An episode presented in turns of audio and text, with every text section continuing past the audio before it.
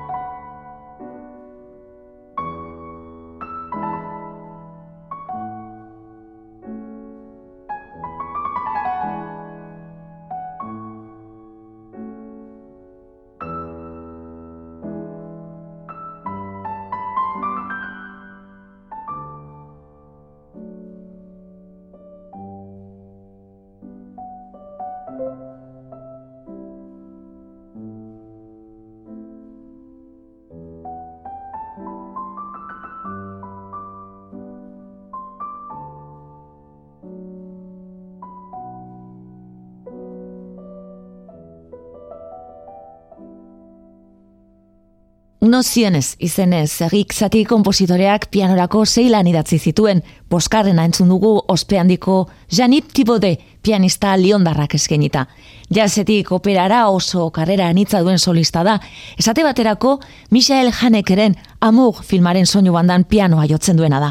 Pelikula honetan Frantziako aktorerik onenetarikoekin batera Ramon Agirre donostiarrak parte hartzen du.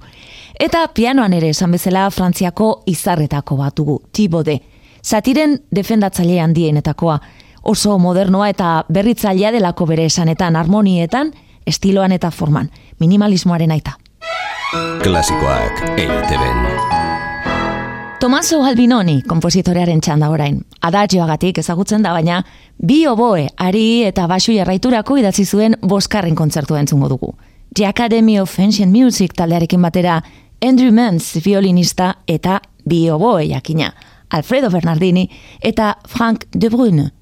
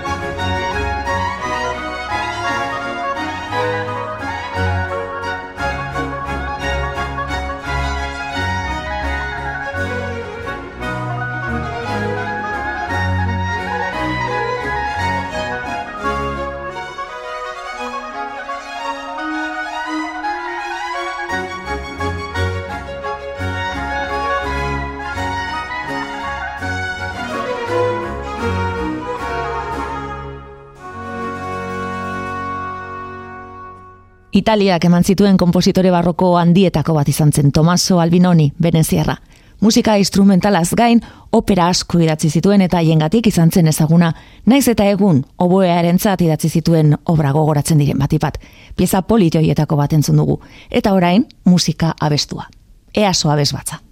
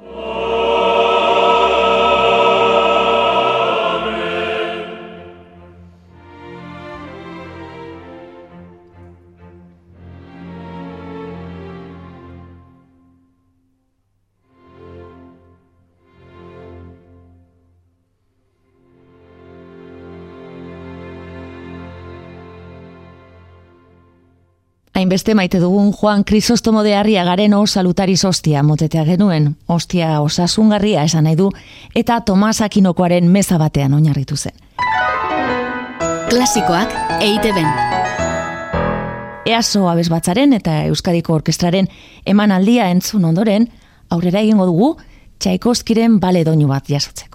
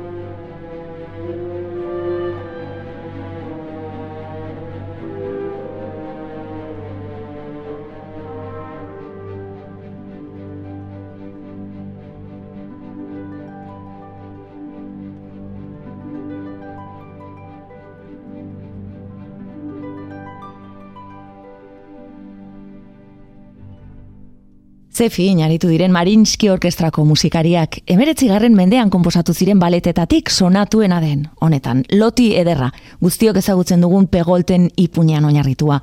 San Petersburgoko antzoki eder horretan bertan, estrenatu zena mila zortzirunda lauro geita amarrean. Aurretik, Tchaikovskik beltxargen aintzira komposatu zuen, eta lauro geita amabian, bere hirugarren eta azken baleta eman zuen ezagutara, intxaurra euskailua. Horrez gain, operak, sinfoniak eta danetarik idatzi zuen. Kolerak hil zuen urrengo urtean, Piotr Ilit Tchaikovsky, aro klasikoko kompositoreetatik gehien entzuten dena. Klasikoak EITB-en. Impresionismo frantzesera itzuliko gara. Lentxago entzun dugun egik zatiren garaikide eta ikasle izan zen Claude Debussyren musika ekarriko digu Simon Trepchetsky, pianista macedoniarrak.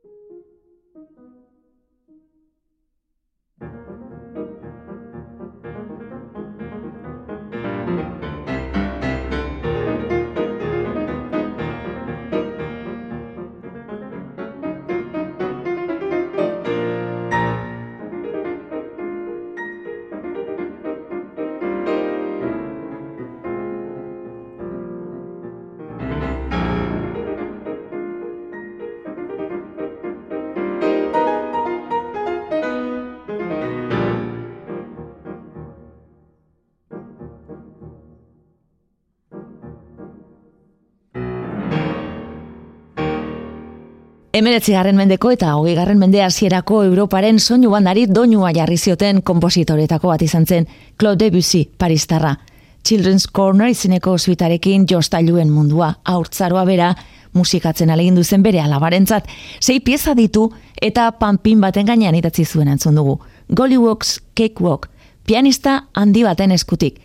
Simon Trepchekskik konzert gebaurekin jotzen du, Errusiako Orkestra Nazionalarekin, Txina, Tokio eta Londres mundu guztiko orkestra handiekin jotzen du eta musika jaialdi garrantzitsuenetan. Klasikoak eiteben.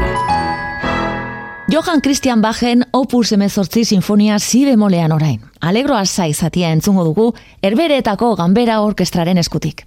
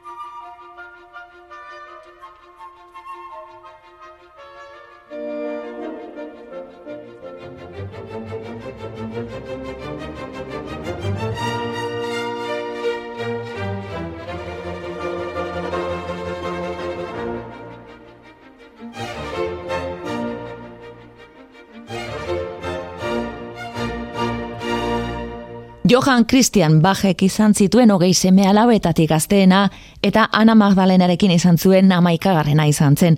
Milanen ikasi zuen eta Bach Milandarra deitu zioten. Hogeita zazpiurterekin berriz Londresko King's Theatre antzokira deitu zuten eta hortaz Bach Londres tarra bezala ere ezaguna da. Bertan hiltzen berrogeita zei urterekin. Klasikoak eiteben.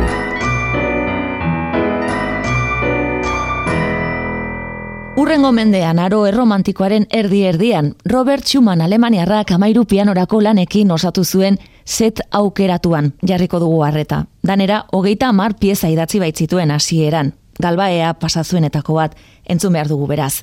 Guazen aurreztenak deituriko lan horrekin.